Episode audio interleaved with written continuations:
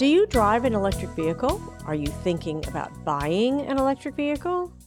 What's holding you back? Are you concerned about where and how often to charge it?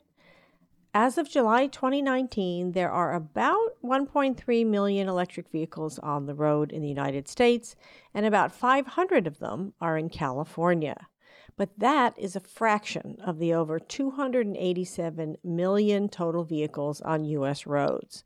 More and more people are buying electric vehicles, and almost every automaker now has at least one, and most are coming out with a full line over the next few years. But it's not enough.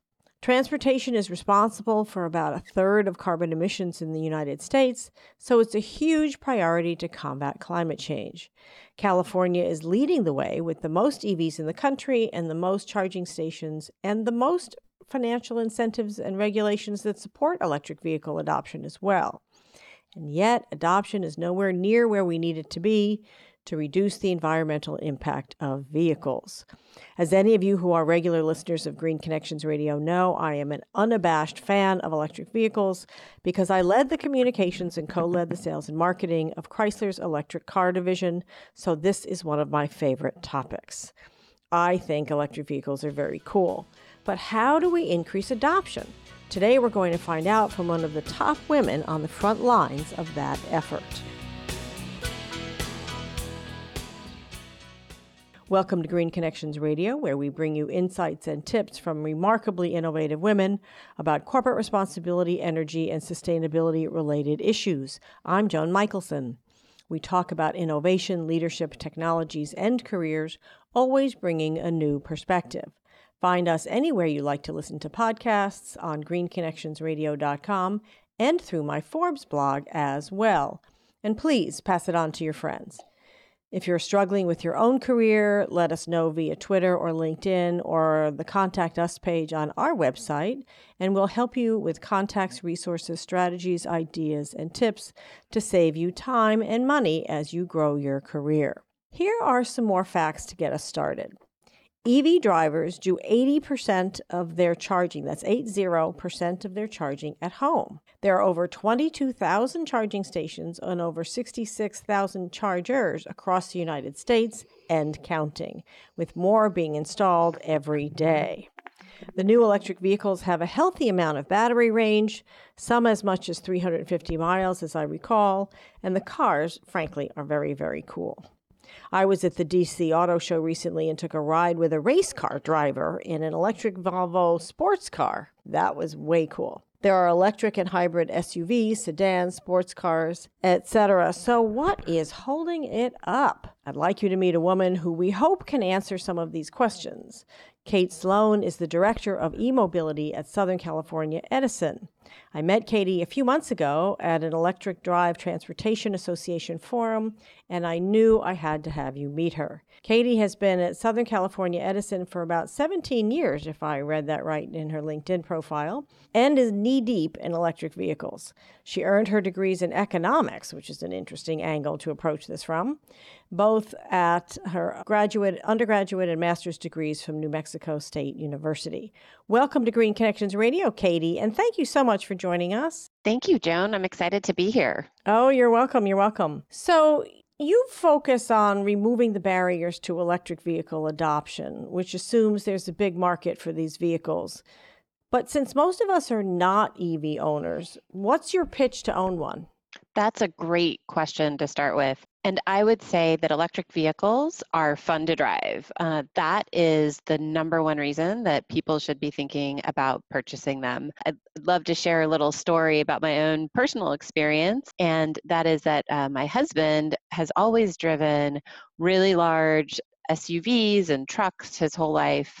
And when we went car shopping a few years ago and we started looking at electric vehicles, I have to say that he was like probably the majority of folks saying that he was not very excited about purchasing an electric vehicle. So much so that when we went to test drive one of the cars, he refused to sit in the front seat and actually sat in the back with his arms folded during the test drive. We ended up getting an electric vehicle, which I was super, super happy about. Fast forward a year later, and my husband was driving the electric vehicle around downtown Los Angeles, and he came home and he said, oh my gosh, I have something so exciting to tell you.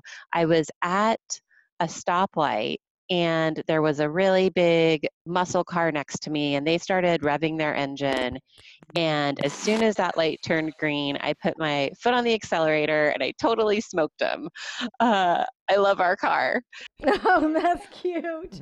So he became a convert by smoking out the other guy's uh, car huh? He did and i think the more that people have the opportunity to drive an electric vehicle see that it's fun and also really see that it can fit into their lifestyle and that they get to dis- ditch the gas station um, and be able to fuel their vehicle at home or at work or at places they're already going and they don't have to go out of their way to get fuel i think more and more people are going to be just as excited as my as my husband is. Oh cool. Okay. Great. I love that. That's a great pitch. So you're trying to increase adoption. What do you see as the single largest success factor in adopting vehicles? When people say, besides your husband saying, I smoked out the guy next to me, what do you see as the single thing or things that help that get people over the top to actually buy one? Is it vehicle choice? Is it battery range? Is it financial incentives? What do you see as the key driver? There really are a few different drivers, and I think of it um, in, in a few ways. One really is that availability of vehicles for people to choose from to start with. We know that automakers have announced between 40 to 50 new electric vehicle models coming online in the next few years. And having sports utility vehicles, smaller cars, trucks, um, that are at price points that people are used to paying will really be one of the main uh, accelerators and drivers to the transformation that us EV enthusiasts are looking to get to. And I think that that then leads into once you have the vehicle, how are you using it? And then that really gets to the infrastructure and the charging station availability. Today, people are used to knowing where gas stations are, that no matter where they go, uh, they'll be able to have fuel. And to the extent that we can have EV charging just as ubiquitous as gas stations are, that will really help with that second hurdle. So I think we're at the precipice. You know, range anxiety was was a, a, large barrier for quite a few years, but I think with having 100, 200, 300 miles available, we are moving away from range anxiety uh, and having more uh, experience anxiety. And that means when chargers are available, making sure that people know how to use them and that it's a seamless, easy experience and not something that they have to think about uh, every single time they're charging their car. Oh, that's interesting. I used to collaborate with a early stage software company that was developing an app that would tell people where on the route they were traveling they could charge whether the those which stations had the chargers that they need because as you know obviously better than anybody else all chargers are not created equal and how much it would cost and whether they would be open when they got there mm-hmm. which is kind of addressing which sounds like it's addressing what you're talking about Yes, and and I've seen um, similar style apps. There's one that moves away from showing the exact type of connector and the technical term, and they've changed it into a color coded scheme so that you can put in your car, vehicle, make and model, and um, then it'll say, okay, on this map, there's red, green, and blue chargers. You can use green and blue chargers, uh, and it makes it just a lot easier. So I think the more that these types of um, you know software solutions are available to customers uh, it helps to reduce that experience anxiety. Oh yeah to get away from the nomenclature of CHAdeMO or something like that right? You have said that a goal of southern california edison's is to put 7 million evs on the road by 2030 that's only 10 years away. How do you get from 1.3 million to 7 million, or even from 500,000 in California to a million in California. How does that, how do you do that? It really takes all of the industry players being focused and aligned and making sure that we're moving quickly towards this goal. We know that the state of California will not meet its greenhouse gas reduction targets unless we significantly decarbonize the transportation sector and moving towards electric vehicles is the only way to do that. So rather than continuing to pilot new programs, we need to go to scale as soon as possible. Every day that someone is purchasing an internal com- combustion engine vehicle is another 10 to 12 years um, of that vehicle being on the road. Uh, so we need to look at this through the lens of it's not just one thing, but it's multiple things. Before I worked on electric vehicles, I worked in the renewable space. And I think there's a lot of lessons to learn on how technologies like wind and solar went from early stage uh, to late stage to scale. And it wasn't just one thing, it was uh, a multitude of factors. It was the federal investment tax credits, it was state renewable portfolio standards, it was reduction in cost due to technology, um, it was also uh, rate programs like net energy metering in addition to new business models like being able to lease solar panels on your rooftop rather than always having to own. So I think we need to look at all of those solutions in conjunction in order to make this sea change happen. Mm-hmm. But aligning all the players is easier said than done, to say the least, right? So, how do you get all of them to be, forgive the pun, driving in the same direction with you? Mm-hmm. I will say that I, I've been in the energy industry for a while, and I have never seen as much alignment on a topic as there is with electric vehicles, at least from a high level objective perspective. Uh, so I think it really takes focusing on the end goal and making sure that we don't quabble amongst ourselves with things that are around the edges when we all wanted to get to the main direction. Mm-hmm. And I think that also means that we're bringing each other along that we continue to collaborate and we use organizations that exist for alliances and uh, you mentioned the the EDTA earlier, and we can use those groups that already exist to make sure that we're aligned and, and moving forward. That's encouraging. So, competitors like EVgo or ChargePoint and Electrify America are collaborating? I would say that in at least our regulatory structures in California, we have the California Public Utilities Commission. They sometimes do file comments together with other parties. And even if they aren't filing comments together, they are supporting policies that support utility infrastructure programs, for example. And they also align not just at the California Public Utilities Commission, they also work on legislative fronts to help make sure that we're getting funding for electric vehicle rebates at the levels that they need to be. So, thank you for that perfect segue because federal regulations, shall we say, are not exactly moving in the direction of favorably to electric vehicles these days.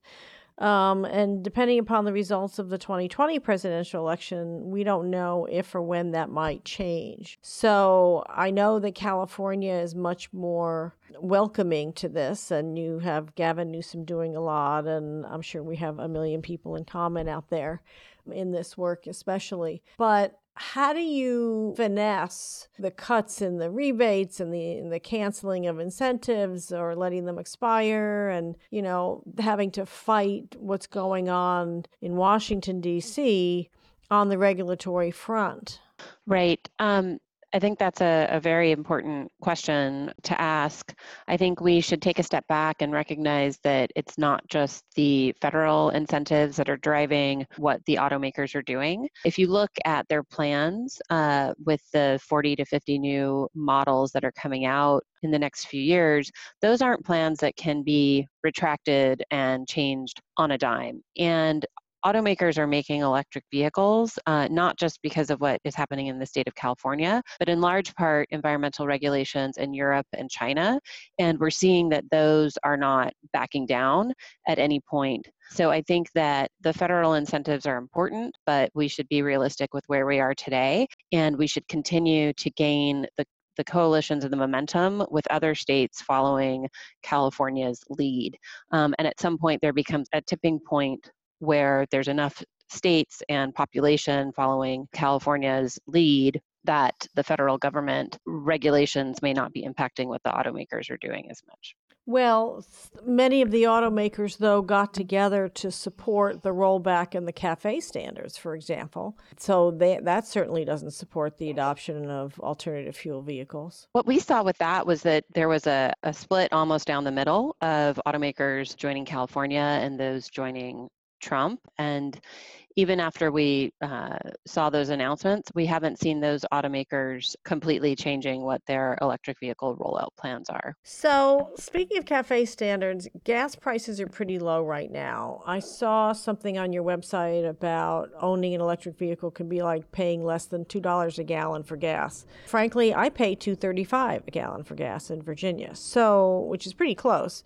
So, how do low gas prices affect the success of the programs that Southern California Edison is trying to do to drive adoption of electric vehicles?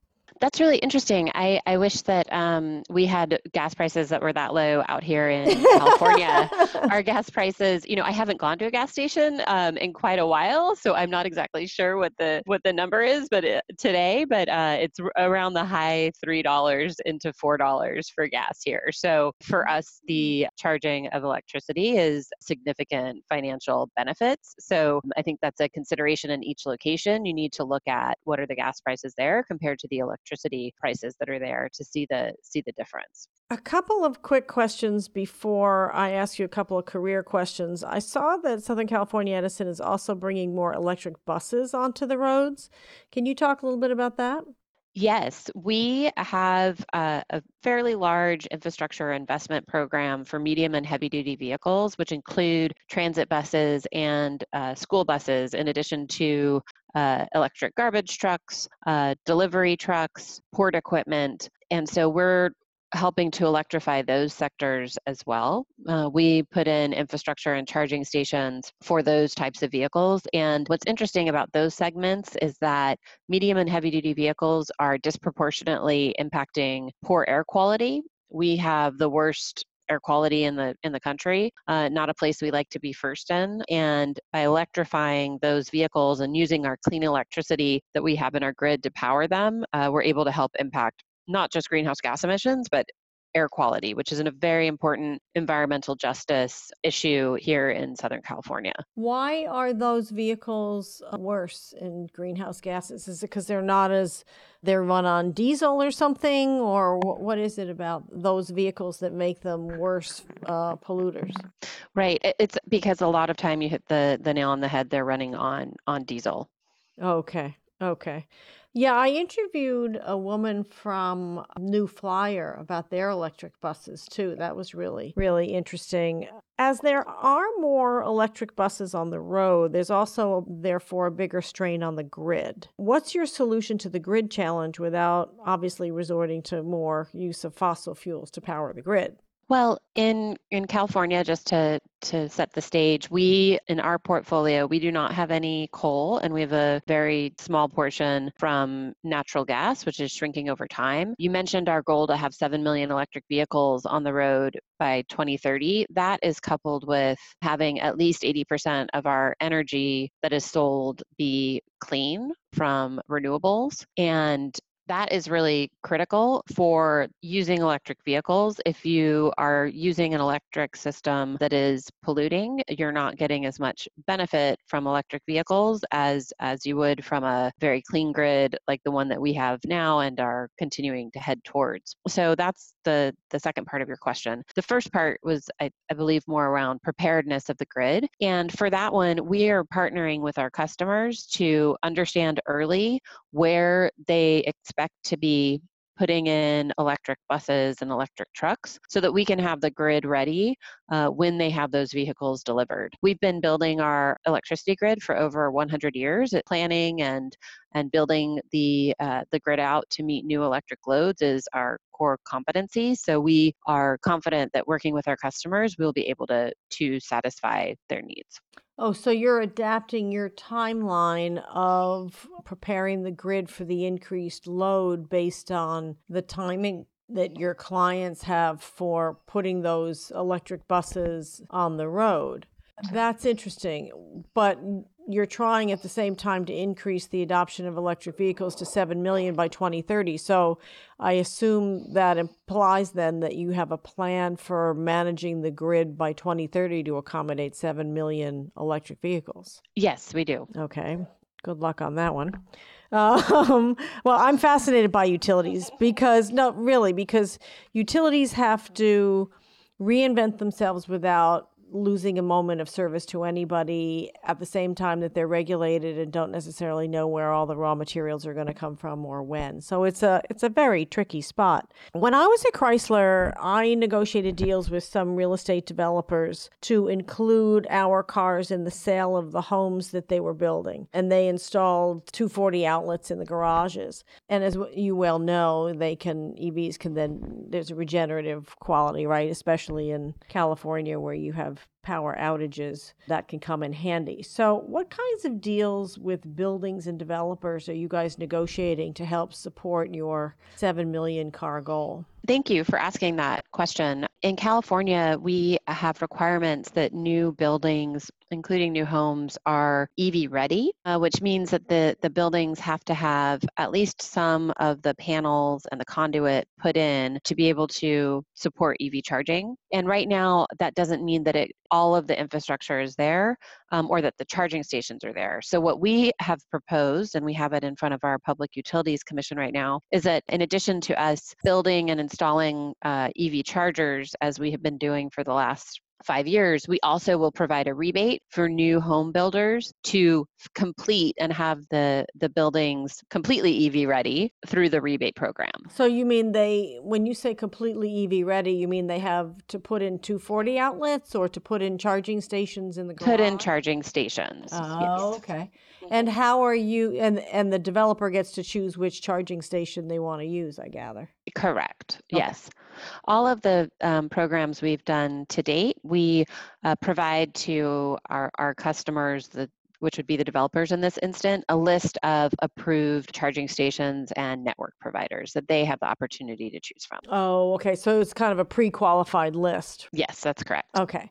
Before I ask you a career question, I have one more industry question, and that is what can other states and utilities learn from California's experience and specifically from Southern California Edison's experience? What can you suggest to other states from the evolution that you got you've gone through and especially because you've been there for so long, you've watched that evolution and driven it? I love this question, and this is a, a core part of my my day-to-day work is sharing our lessons with other electric utilities and i would say the first thing and the first thing we talk about is that this is an opportunity for them. This is a growth area and it really is something that is beneficial for their customers, for the communities, for their stakeholders, and you don't always find something that that has so many people aligned. So, first is looking at it as an opportunity versus just a challenge. And the second is that we like to share all of our program details and our lessons learned through the infrastructure programs that we've had to date with other utilities so that they have the opportunity to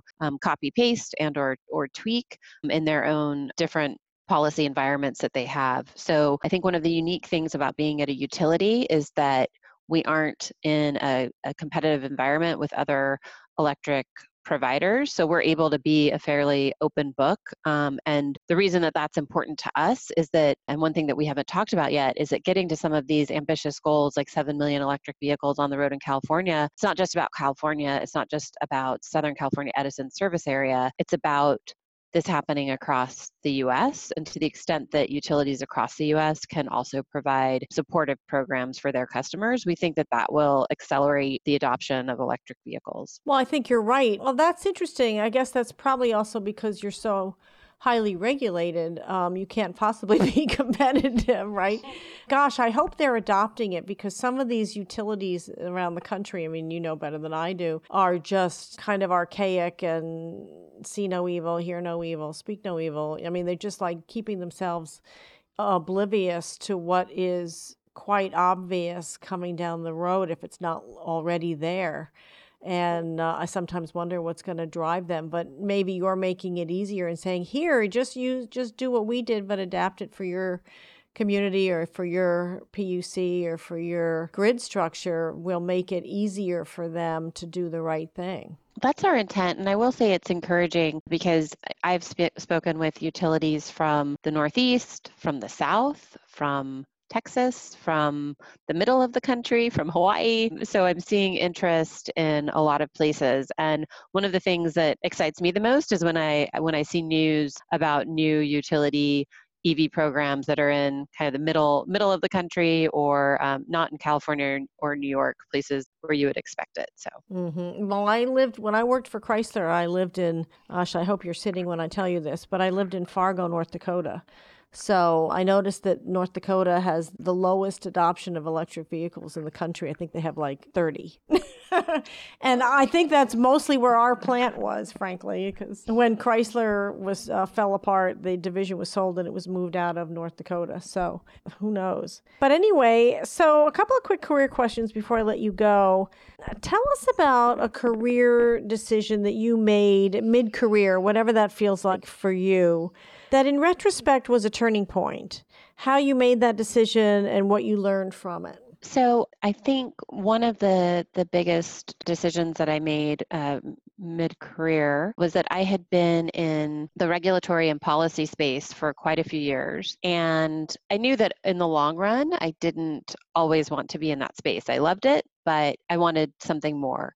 And I was able to find an opportunity at our parent company in the strategic planning department, working on strategic projects that they needed people that understood the renewable the renewable space but it was more from a different function. And i was able to parlay that into working in electric vehicles. And the important thing that i learned was that it's easy to to pivot your role if you're not doing a complete 180 so um, I always look at it in terms of what is your subject matter area and then what is your functional expertise. So um, if I was working on policy, which was the functional expertise in renewables, I could pivot into working on renewables but in strategy. And then you can transition on working in strategy but with electric vehicles. And you can kind of leapfrog where you want your final destination to be by doing these, what I would call more quarter circle pivots, as opposed to trying to to do something completely new and i found that that's a been a helpful way to um, learn and grow and and try new things.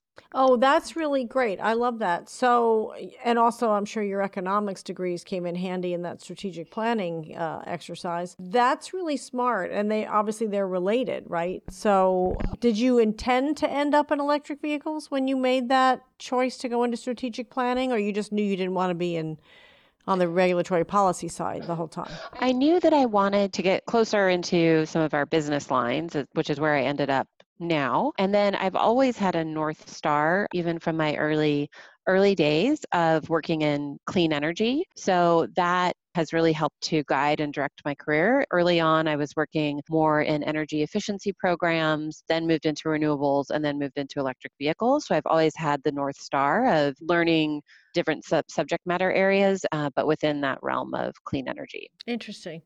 So, in closing, what advice would you give a woman in mid career who wants to, you know, so she has a certain amount of experience, not fresh out of college, who wants to use her education, her experience, and her passion for making a difference in her career. She wants to get ahead, she wants to make money. This is not just volunteer work. So, what would you suggest to her? The main thing I would suggest is just take the slogan from Nike of just do it. If you think that there's something at your organization or company that's lacking, don't ask for permission to make it happen. I think that we all have more authority and autonomy than, than we give ourselves. And we sometimes think, oh, this would be something great to happen um, but no one's told me to do it i would think if you're ever thinking thinking about that take it on yourself and make it happen and i think that that if you can do that in the subject matter area where you want to advance your career people will see you as someone that can get things done and i think that that will help you to go even further. Obviously within the realm of you know your your company or organization's politics. Right, right. No, I think that's great. And eh, sometimes your politics might require you're going to your boss or bringing it up in a meeting and saying, "Hey, what if we flipped it over and turned it purple and made it polka dot?" You know, and or you know, what if we shot for 7 million, you know, created a goal of 7 million electric vehicles and have everybody go, Are you out of your mind? And sometimes you can just do a small like case study on your own and bring it in with results. His funny example comes to mind, but one of the incredibly cool women I've interviewed is a woman who, believe it or not, started a business to collect scraps of material from the garment industry in New York when she worked for the New York City garbage department. And she started this business. And some of the people who buy some of the remnants, which are in some cases large bolts of fabric, are designers at some of the big design houses. They want to try a little design on their own without kind of making a big deal about it. So they take the bolt or they take the fabric and they do it either on their own in off hours or at home and try it out and then bring it in if it works, if they like it. Yes, I love that. I love that concept. So that kind of sounds like what you're saying is I like that. Don't ask for permission to and just make it happen. That's that's inspiring, Miss Katie. Thank you so much. Well, thank you so much, Joan. I appreciate it. Oh, you're welcome. Thank you so much for joining us today on Green Connections Radio. Katie Sloan, Director of e Mobility at Southern California Edison. Are you more interested in buying an electric vehicle now? Tweet it to us at Joan Michelson or post it on our Facebook page and find us on Apple Podcasts or wherever you listen to us today or on our website, greenconnectionsradio.com, where you also find a lot of my Forbes blogs and other blogs and articles as well. If you want to gain career support from women like me and Katie, ping me via Twitter or LinkedIn or through our Contact Us page, and we'll try to help you. I'm Joan Michelson. Thank you for joining us. See you next time.